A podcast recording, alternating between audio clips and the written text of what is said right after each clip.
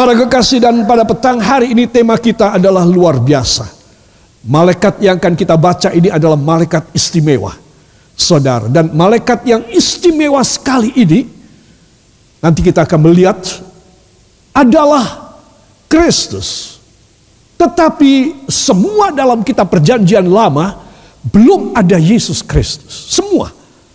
Tetapi Tuhan Allah Bapa mempersonifikasikan, mengejawantahkan sebelum kelahiran Yesus yang dituliskan di Injil-Injil perjanjian baru. Sebelum itu, Yesus sudah ditampakkan dan ditampilkan melalui malaikat satu-satunya malaikat yang sangat istimewa. Dan inilah yang akan kita pelajari. Inilah yang kita ambil dalam hidup kita supaya ini boleh menjadi kemenangan dalam hidup kita. Katakan luar biasa. Tema kita adalah malaikat berjalan di depanmu. Ya saudara, kalau malaikat itu pekerjaannya malaikat yang biasa ya. Dari malaikat tertinggi, kerubion, ya, serafim, penghulu malaikat, dan malaikat-malaikat. Itu tingkatannya. Ya, jadi kerubion, serafim, penghulu malaikat, dan malaikat-malaikat. Tetapi malaikat yang diberitakan dalam keluaran 23 ayat 20 sampai 23 ini adalah Yesus Kristus.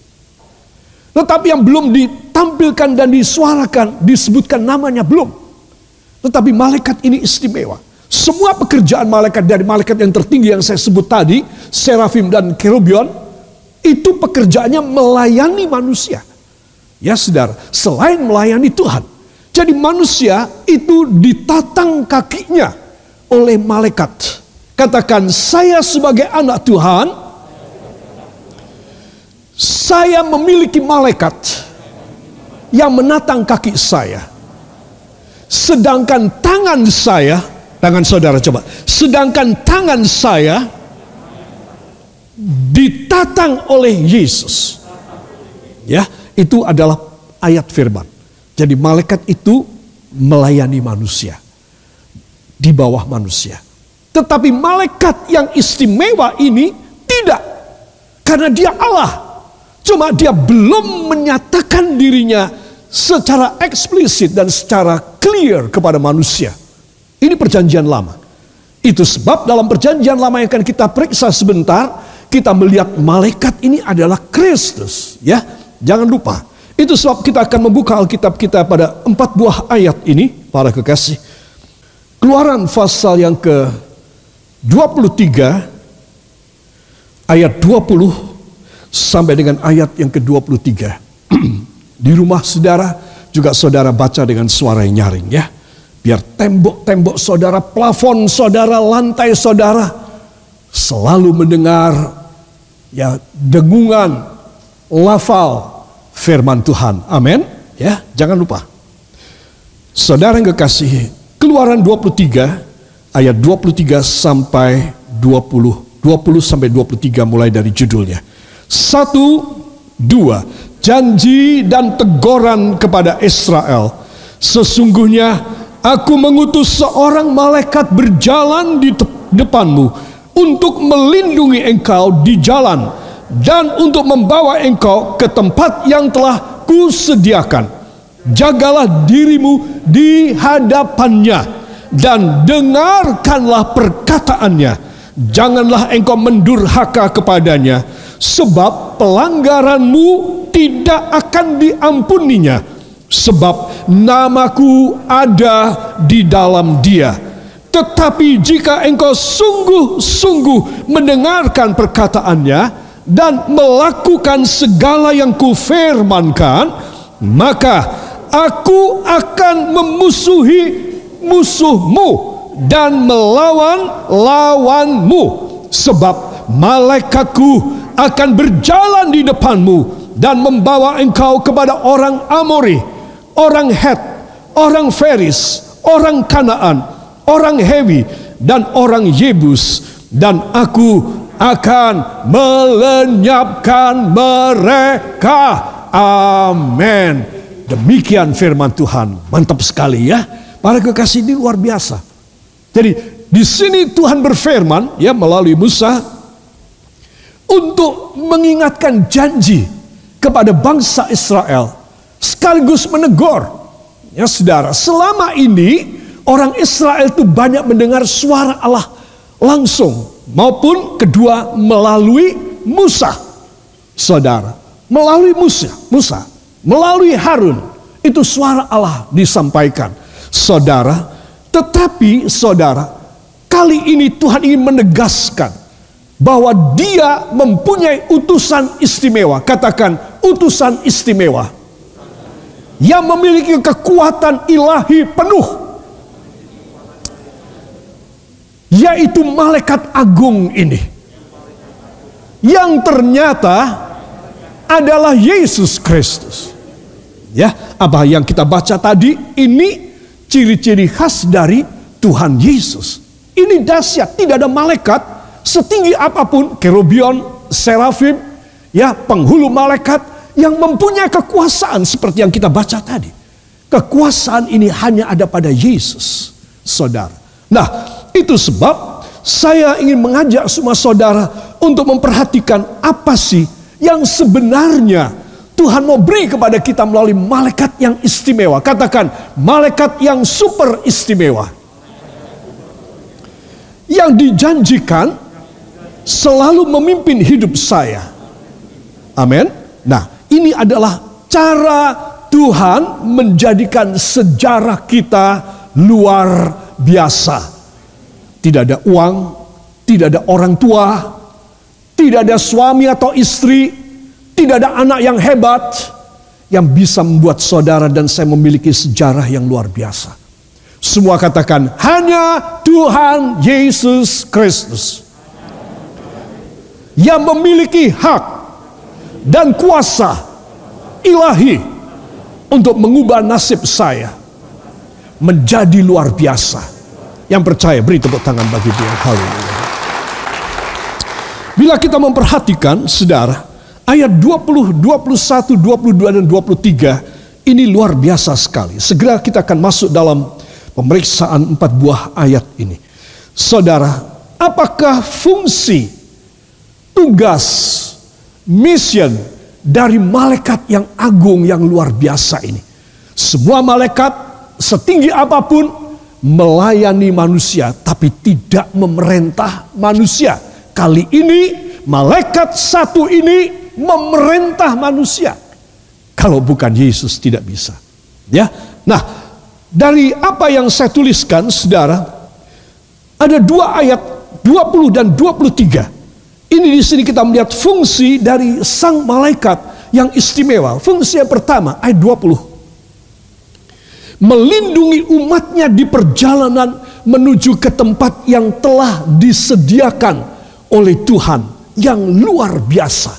Jadi fungsi pertama, misi pertama, tugas daripada malaikat agung ini adalah melindungi umatnya, memimpin dan melindungi bangsa Israel ini dipimpinnya saudara untuk keluar dari Mesir dan menuju pada tempat yang telah disediakan oleh Tuhan. Amin. Katakan tempat yang disediakan oleh Tuhan.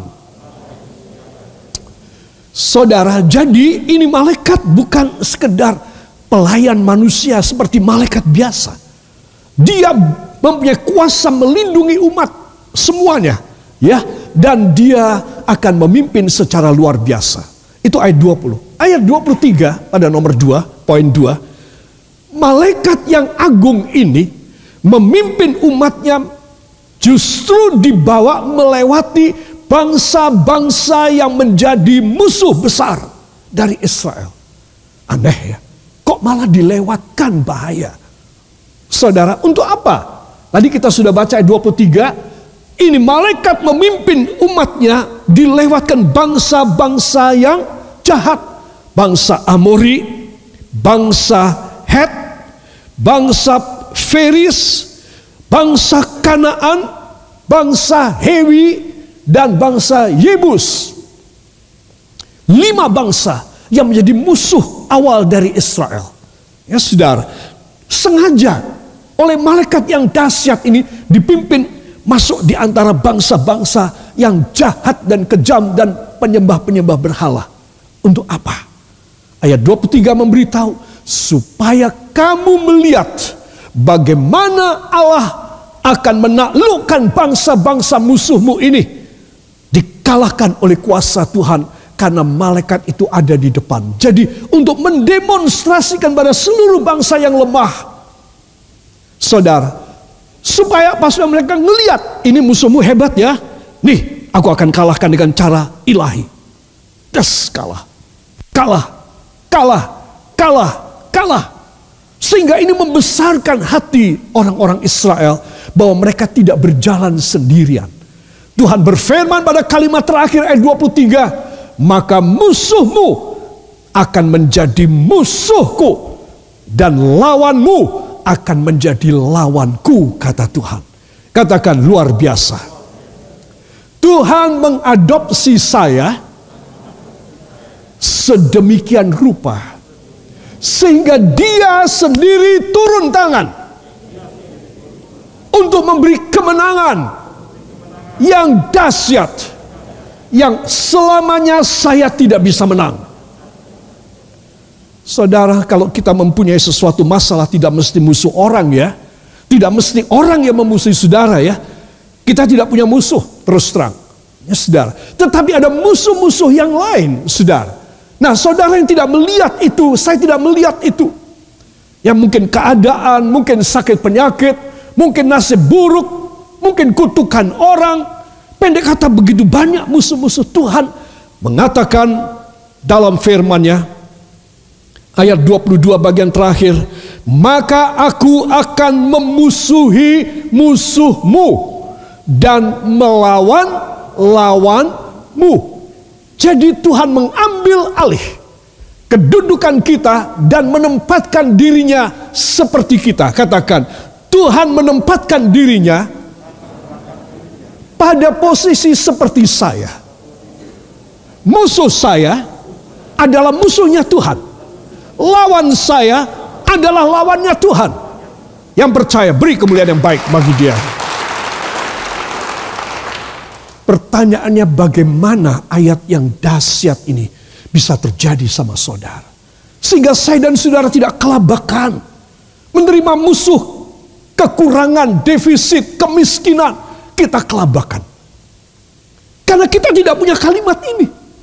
Karena kita belum mendapatkan pribadi Allah untuk menempati posisi kita supaya musuh kita dan lawan kita itu musuh dia dan lawan dia. Itu sebab saya dan Anda gentar sekali, gemeter sekali, takut dan khawatir sekali.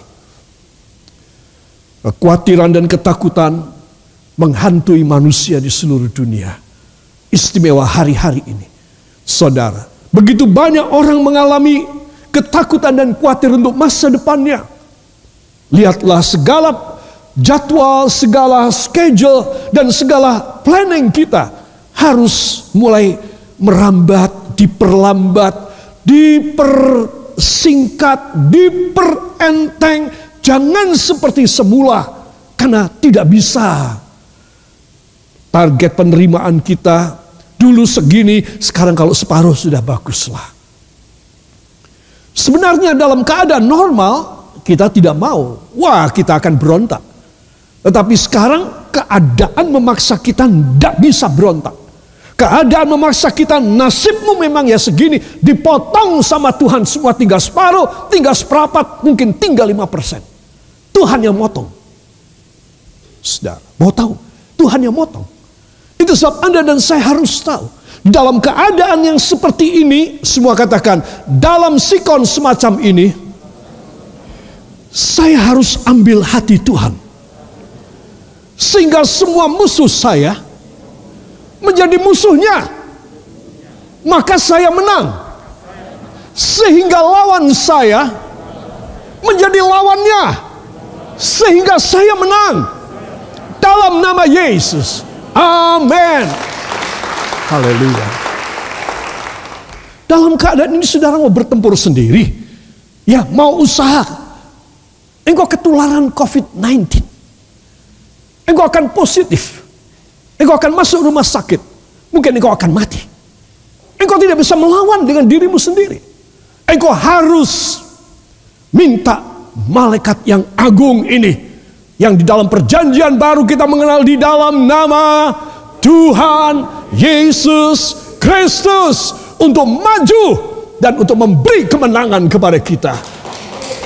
Haleluya.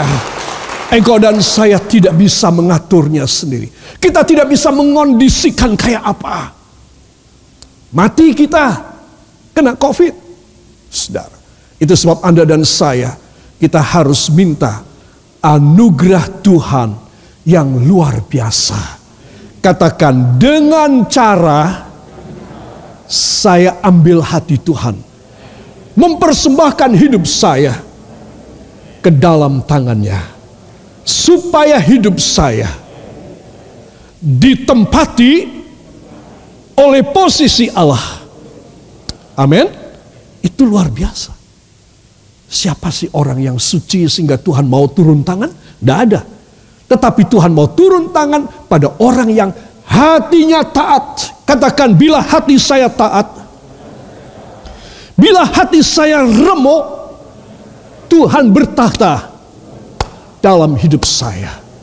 Ya, itu yang dituliskan dalam Yesaya 57 ayat 15.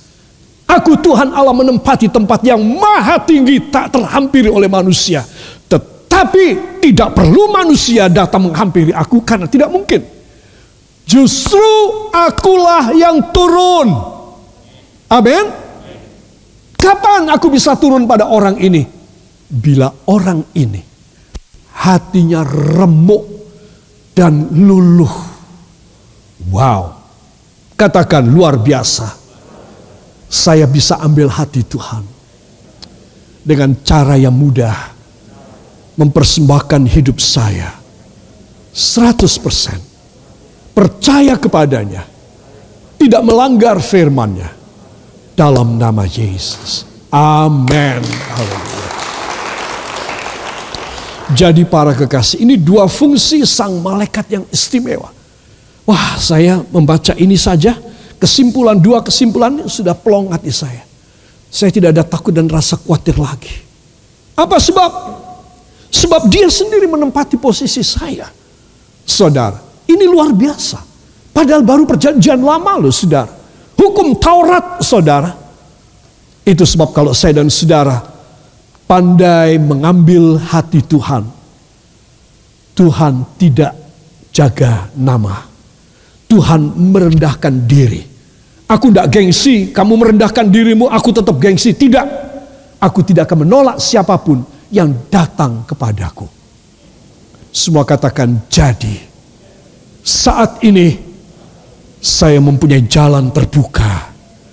Jalan ilahi yang luar biasa. Amin. Haleluya. Para kekasih, saya ingin menunjukkan lebih dulu siapakah malaikat ini. Ya saudara, malaikat ini adalah malaikat yang dahsyat. Katakan malaikat yang dahsyat. Yaitu siapa? Tuhan Yesus Kristus. Mengapa? Dalam perjanjian lama saya hanya mengungkap satu rahasia selain rahasia tadi keluaran 23. Di dalam keluaran fase yang ketiga ayat 2 sampai dengan ayat yang ke-6. Saudara, malaikat menampakkan diri kepada Musa dalam sebuah kebakaran dari semak-semak yang terbakar. Semak duri yang terbakar tetapi tidak kobong. Ya, semak duri yang berapi tetapi tidak kebakar. Nah, Musa itu dia sudah berpuluh tahun menjadi gembala Ya seluruhnya sih dia 40 tahun menjadi gembala. Saudara, adakah anak-anak muda atau anak-anak tua yang mempunyai cita-cita menjadi tukang angon 40 tahun? Ya, ah enggak, aku tidak mau. Hidup terus di hutan, di pinggir hutan, di padang rumput, di sawah.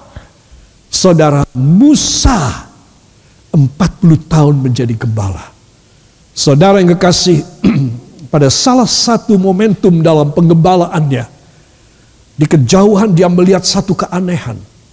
Saudara tahukah saudara, di daerah sepanas, di daerah sepanas itu, ya saudara, di daerah Mesopotamia dan Kanaan, saudara, daerah panas itu memang menurut para ahli, kadang-kadang semak itu terbakar saudara.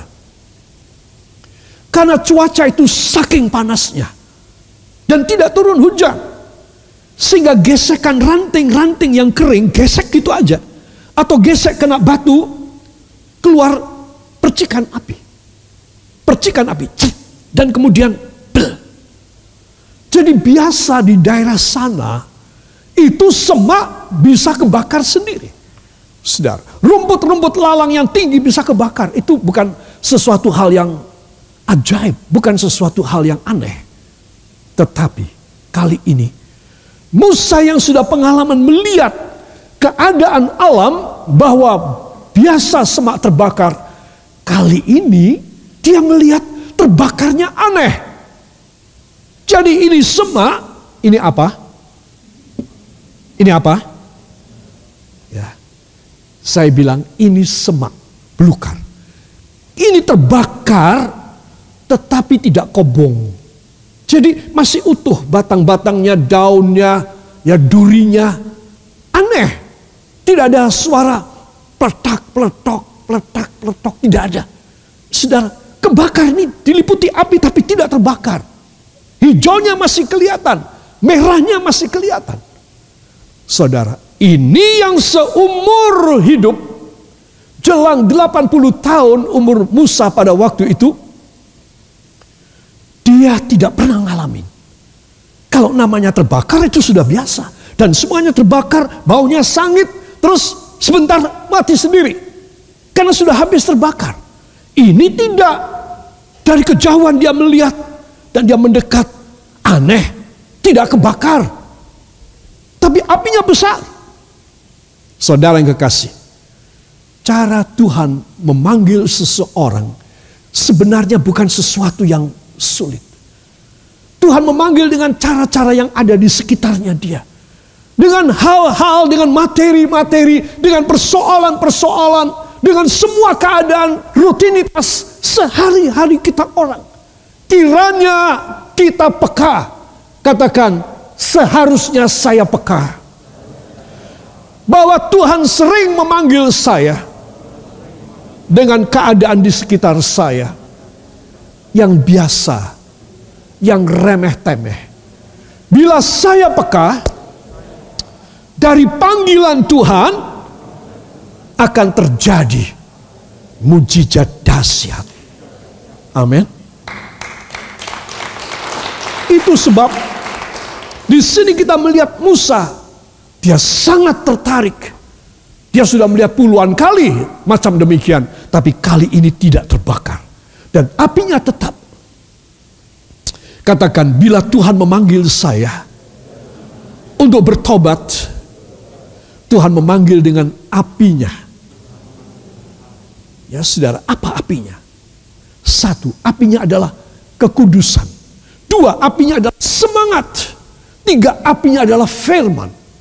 Yeremia mengatakan bahwa firmanku seperti api yang membakar. Sudah. Nah Tuhan memanggil Musa untuk meninggalkan kambing dombanya. Dan sekarang berganti tidak menggembalakan hewan, tetapi menggembalakan umat Israel. Saudara, dengan cara yang biasa. Bukan dengan tiba-tiba der api dari sorga. Ya saudara, datang. Tidak. Tetapi dengan hal yang lumrah. Musa tertarik. Semua katakan, Kiranya saya mudah tertarik dengan perkara-perkara yang dibikin oleh Allah. Perkara-perkara yang sepele, tetapi yang mengundang hati saya. Kiranya saya lebih tertarik dengan hal tersebut daripada hal-hal yang besar, perkara-perkara gemerlap di dalam dunia dan dosa saya harus lebih memilih perkara sepele yang Tuhan kerjakan dalam hidup saya. Amin. Saudara, sering kali hal yang Tuhan ingin saya mengagumi dia, datang kepadanya, saya tidak mau. Saya tolak. Karena ini tidak ada nilai duitnya, tidak ada nilai ekonomisnya, tidak ada nilai popularitasnya, tidak ada nilai funnya dan enjoynya. Saya lebih memilih hal duniawi. Kalau ini jelas menyenangkan, ini jelas untungnya banyak, besar. Saudara yang kekasih. Sehingga Tuhan itu mau pakai cara yang lebih mengerikan untuk memanggil kita orang. Kenalah kita musibah, kenalah kita ini, kenalah kita itu. Musa memberi pelajaran yang istimewa. Tidak. Hal yang sepele. Tapi ini aku tahu dari Tuhan. Maka datanglah dia. Datanglah dia. Dan ketika dia mendekat, semakin dekat semakin dia heran. Sampai pada satu jarak ada suara dari tengah-tengah api. Musa, copot sandalmu. Karena tanah di mana engkau berdiri adalah tanah yang kudus. Dan tempat ini adalah tempat yang kudus. Wow. Hampir dia terpelanting ke belakang. Dan dia surut ke belakang. Dia segera mencopot sandalnya. Dan dia sujud. Dia cepat menangkap. Cepat belajar. Cepat mengakui cepat menerima. Semua yang dari Tuhan, Musa cepat menerima. Apakah Anda dan saya juga demikian? Sehingga Tuhan tidak usah bersusah payah untuk menyatakan rencananya pada orang ini. Orang ini begitu mudah belajar, begitu mudah menerima. Seringkali Tuhan memaksa saya dan Anda untuk menerima dan mengalami hal-hal yang sangat berat dalam hidup kita yang memakan ongkos dan biaya yang tinggi dan mahal yang membuat diri kita ini ada pada ujung jurang. Jadi seperti Musa. Bagaimana Tuhan mau memberi kepada saya, kepada saudara. Dengan mudah. Kalau dia mau memberi kepada saya, sulit banget. Karena si Timothy Roy ini keras hatinya. Gimana aku membuat baik dia, kata Tuhan. Saudara yang kekasih, jadilah orang yang simple, yang sederhana di mata Tuhan. Supaya dia sering kali membanjiri saudara, memberi kiriman kepada saudara. Banyak perkara mujizat. Saya sangat bersyukur dengan kerendahan hati orang ini. Walau dia hampir 80 tahun umurnya, tua lu saudara, tua banget. Dia begitu mudah belajar. Dia tahu, lalu ada suara, dia cepat copot kasutnya dia. Dia cepat sujud menyembah. Dan dia berkata, "Ya Tuhan Allah." Lalu Tuhan berfirman, memberi tugas kepada sangat mudah. Kayak sudah dilatih berkali-kali. Umpamanya drama itu mulus banget. Kita membacanya senang dan enak. Kita menyaksikannya juga enak sekali. Kalau umpamanya itu satu sandiwara. Musa mempersembahkan hidupnya. Biarkan semua orang takjub kepada saudara. Karena engkau mudah mengalami perbuatan Allah.